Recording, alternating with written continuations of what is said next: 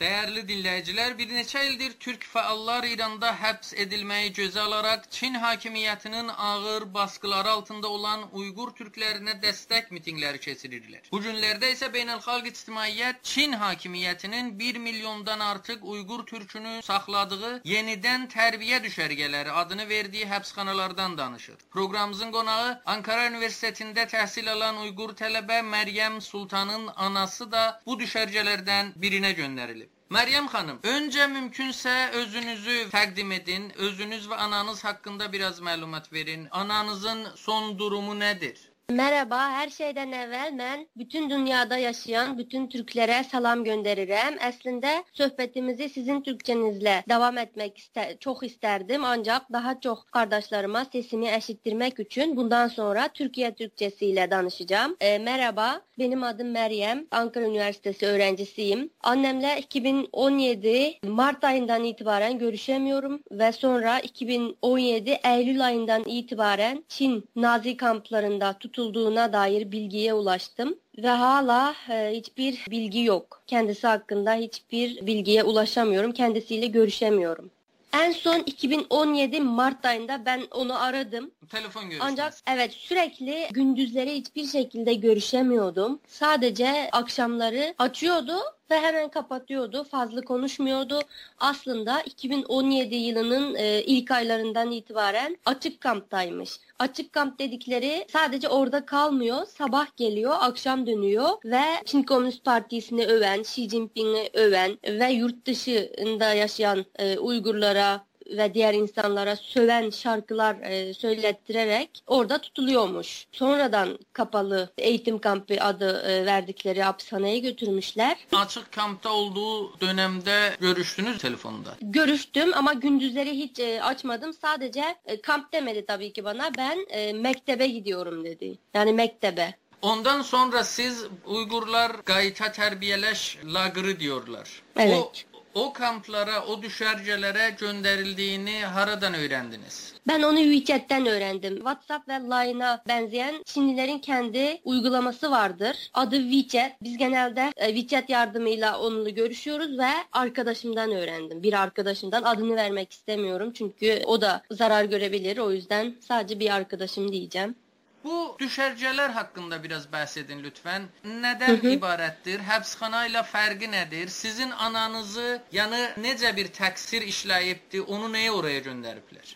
Aslında neden orayı gönder e, neden oraya gönderdiği çok açık ve nettir. Sadece Uygur olduğu için, Türk olduğu için oraya gönderdi diyebilirim. Çünkü onların gösterdiği gerekçeler hiçbir yasaya uygun e, bir şey değil. Mesela onlar şöyle bir gerekçe göstermiş olabilir. Yurt dışına para gönderdin. Ama yurt dışına e, yasal yollarla para gönderdi. Yani onların Çin Halk Cumhuriyeti'nin Industrial Bank of China o e, adlı kendi bankasından kendi kimliğiyle Western Union'la tamamen yasal yollarla e, para gönderiyor ama bu bile yasa dışı olarak görülüyor. Paranı kime gönderdi? Tabii ki bana gönderdi. Kızına. Evet, kendi kızına. Kamplar nasıl bir yer? Kamplar e, aslında e, hapishanelerden ad, adı farklı ama aynı hapishaneler gibi or, orayı da polisler bakıyor. Dışarıyla bağlantı kurmak yasak. İşkenceler var. Tamamen hapishane diyebiliriz aslında. Bir nevi hapishane. Bu her nahiye deyirsiniz orada. Her nahiye için bir düşerce mi var? Hayır her nahiye için bir değil. Mesela benim nahiyemde beş tane varmış. Benim nahiyem Aksu e, eyaletinin Onsu nahiyesi ve sadece bu Onsu'da beş tane. E, Aksu'da ne kadar var onu tam olarak şu an e, bilmiyorum. Yani ben bilmiyorum. Tabii ki bunlar hakkında diğer gazetecilerin yazdıkları haberler vardır. Ama şöyle bir şey söyleyeceğim. Onsu gibi yani benim memleketim Onsu gibi 64 nahiye vardır Doğu Türkistan'da. Ve sadece bu nahiyeler değil, nahiyeler dışında şehirler de vardır, iller ve bu illerde de toplama kampı vardır. Yani benim düşüncemde en az 500 500 adet e, bu tür kamplar bulunmaktadır. Sizin annenizin siyasi faaliyeti var idi mi? Hayır hiçbir şekilde. Hiçbir şekilde siyasi faaliyeti yoktu. Ne iş görürdü? Sadece lisede çalışıyordu okulda. Yani mümkün değil öyle bir şey olması zaten. Oradaki kimsenin siyasi faaliyet e, gibi bir şey yürütmesi mümkün değil. Çünkü her şey zaten gözetim altında ve insanların öyle bir şey yapmasına izin de verilmiyor. Sizdən əlavə xaricdə yaşayan, Türkiyədə, Japoniyada, Amerikada, Hı -hı. Avropada yaşayan bir çox Uyğurun ailə üzvlərini bu Hı -hı. kamplara aparıblar. Nədən xaricdə yaşayan Uyğurların ailələrinə bu baskılar tətbiq olunur? Rehine alıyorlar. Yani aslında hedef biziz. Biz yurt dışında yaşadığımız için yaptığı kötülükleri yurt dışındaki basın, yayın kurumlarına anlatacağımızdan korkuyorlar. Diğer insanlara anlatacağımızdan korkuyorlar. Dolayısıyla yurt dışından evine geri dönen insanlar hapishaneye atıldı, tutuklandı ve bizim gibi dönmeyenler, dönmeyenlerin ailesi tehdit altında. Uygurlara qarşı baskılar əskidən var idi. Amma son illərdə bu çox artdı. Bunun səbəbi nədir? Yəni Çin hakimiyyəti bu baskılarla nəyə yetişmək istəyir? Ben aslında şöyle bir şey söyleyeceğim. Stockholm sindromu var. Onu biliyorsunuz Stockholm sindromu. Bunda kurbağayı yavaş yavaş yavaş yavaş ılık suya alıştıra alıştıra en sonunda onu öldürüyor. Aynı onun gibi bize yavaş yavaş asimile politikaları yürüttüler. Ancak tamamen asimile olmadık. Bir Yol Bir Kuşak projesi projesine bizi engel olarak gördüler ve biz hala asimile ol, ol, olmadık, tükenmedik, bitmedik. Dolayısıyla çok hızlı bir şekilde yani bunu hızlandırmak istediler. Kazaklar ve Uygurlar genelde e, Çin içinde yaşayan top, e, azınlıklar arasında diğer toplumlarla e, evlilik oranı en düşük olanlardır. Yani özellikle Çinlilerle evlilik oranı en düşük olan azınlıklar Kazaklar, Uygurlar, Kırgızlardır. E, dolayısıyla bunları evlilik uygulamasıyla e, yok etmek o kadar kolay olmadı ama Moğollar ve diğer azınlıkları bu şekilde yok ettiler. Özellikle Mançurları. O yüzden bize onlara kullandıkları e, yöntemleri kullandığı zaman olmadı. Dolayısıyla katliam ve daha daha nice e, yöntemlerle yok etmeye çalışıyorlar. Yani bir yol bir kuşak, yeni İpek yolu projesi gibi büyük projeleri hiçbir engelsiz tamamlayabilmek için etnik temizliğe tabi tutuyorlar. Meryem Hanım misal üçün Uygur dilinde təhsil var idi. İndi nə vəziyyətdədir? Evet var idi. Ben de Uygur okulunda okudum. E, liseyi bitirene kadar ve üniversiteye gittiğimde Çince eğitim gördüm. O şekildeydi. Aslında deneme deneme lisesi, deneme sınıfları adı altında yani tecrübe sınıf deniliyordu ve bu sınıflarda Çince eğitim den, denen, deneniyordu bazı liselerde ama yaygın değildi. Ama 2003'ten itibaren hatta 2010'ların başından itibaren tamamen Çince eğitim sistemi yürürlüğe girmeye başladı ve Uygurca ortadan kalkmaya başladı. Bu Çin'in öz kanunlarına karşı değil mi? Evet tabii ki. Kendi yasalarına tamamen zıt bir durum bu.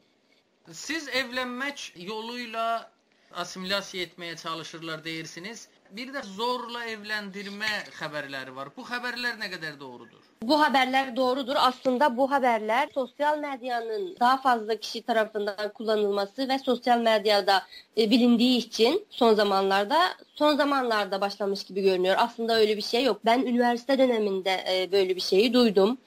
Ben e, 2004 ve 2009 arası üniversitedeydim ve biz öyle haberler alıyorduk. Köylerde o köye gidip e, çalışan Çinli bir Uygur kızını beğeniyor ama kız onunla evlenmek istemiyor. Ama o gidip polislere şikayet ediyor. Diyor ki bu milli bölücülük yapıyor. Bu bölücülük yapıyor ve beni beğenmiyor. Ben onu beğeniyorum. Evlenmek istiyorum. Ondan sonra polisler araya giriyor ve eğer evlenmezsen yerini alırız. Şunu yaparız, bunu yaparız şeklinde tehditler kullanarak tabii ki fakir ya da e, köydeki e, zayıf buldukları insana karşı bunu uyguluyordu. Ama son zamanlarda bu daha yaygınlaşmaya ve daha normal insanlara da bunu yapmaya başladılar.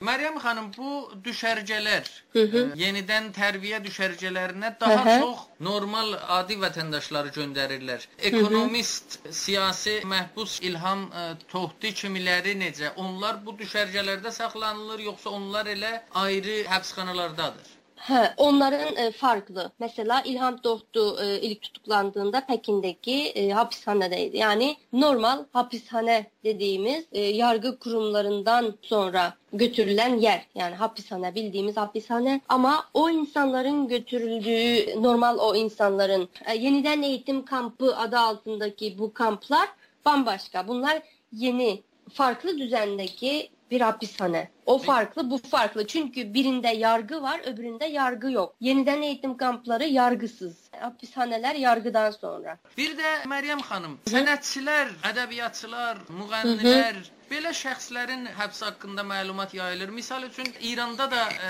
məşhur olmuş, Hı bir hı. çox bölgələrdə türklərin arasında məşhur olmuş. Abdurrahim Heyit bunun e, mahnıları məşhur olmuşdu. Onun kimi sənətçilərin də həbs olunduğu söylənilir. Evet doğrudur. Ee, Abdurrahim Eğit'in de farklı. Abdurrahim Eğit hapishaneye e, yargılandı ve yargıdan sonra hapishaneye götürüldü. Onun da işte gerekçesi pantürkizm, pantürkist olarak. Aslında o pantürkizm pantürkist değil. O da suçsuz. Onun suçu sadece Türkiye'ye gelmek, Türkiye'de şarkı söylemek, ondan sonra Türkler tarafından yani dünyadaki bütün Türkler tarafından sevilmek. Sadece bu. Yani bu bile pantürkist e, olarak hapishaneye götürülmeye yetiyor. Çin, Doğu Türkistan'da.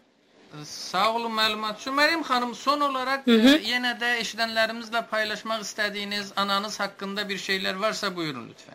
Ee, annem hakkında e, yeni bilgi yok maalesef. Sadece e, Buyurun. ben sadece e, bütün dünyadaki Türk kardeşlerimin e, bir olmasını istiyorum. Yani birleştiğimiz zaman gücümüz e, daha kuvvetli olur ve yani bu güç karşısında aslında bu çok büyük bir güç ama çoğu insan bunun farkında değil. E, bunun farkında olmak çok önemli.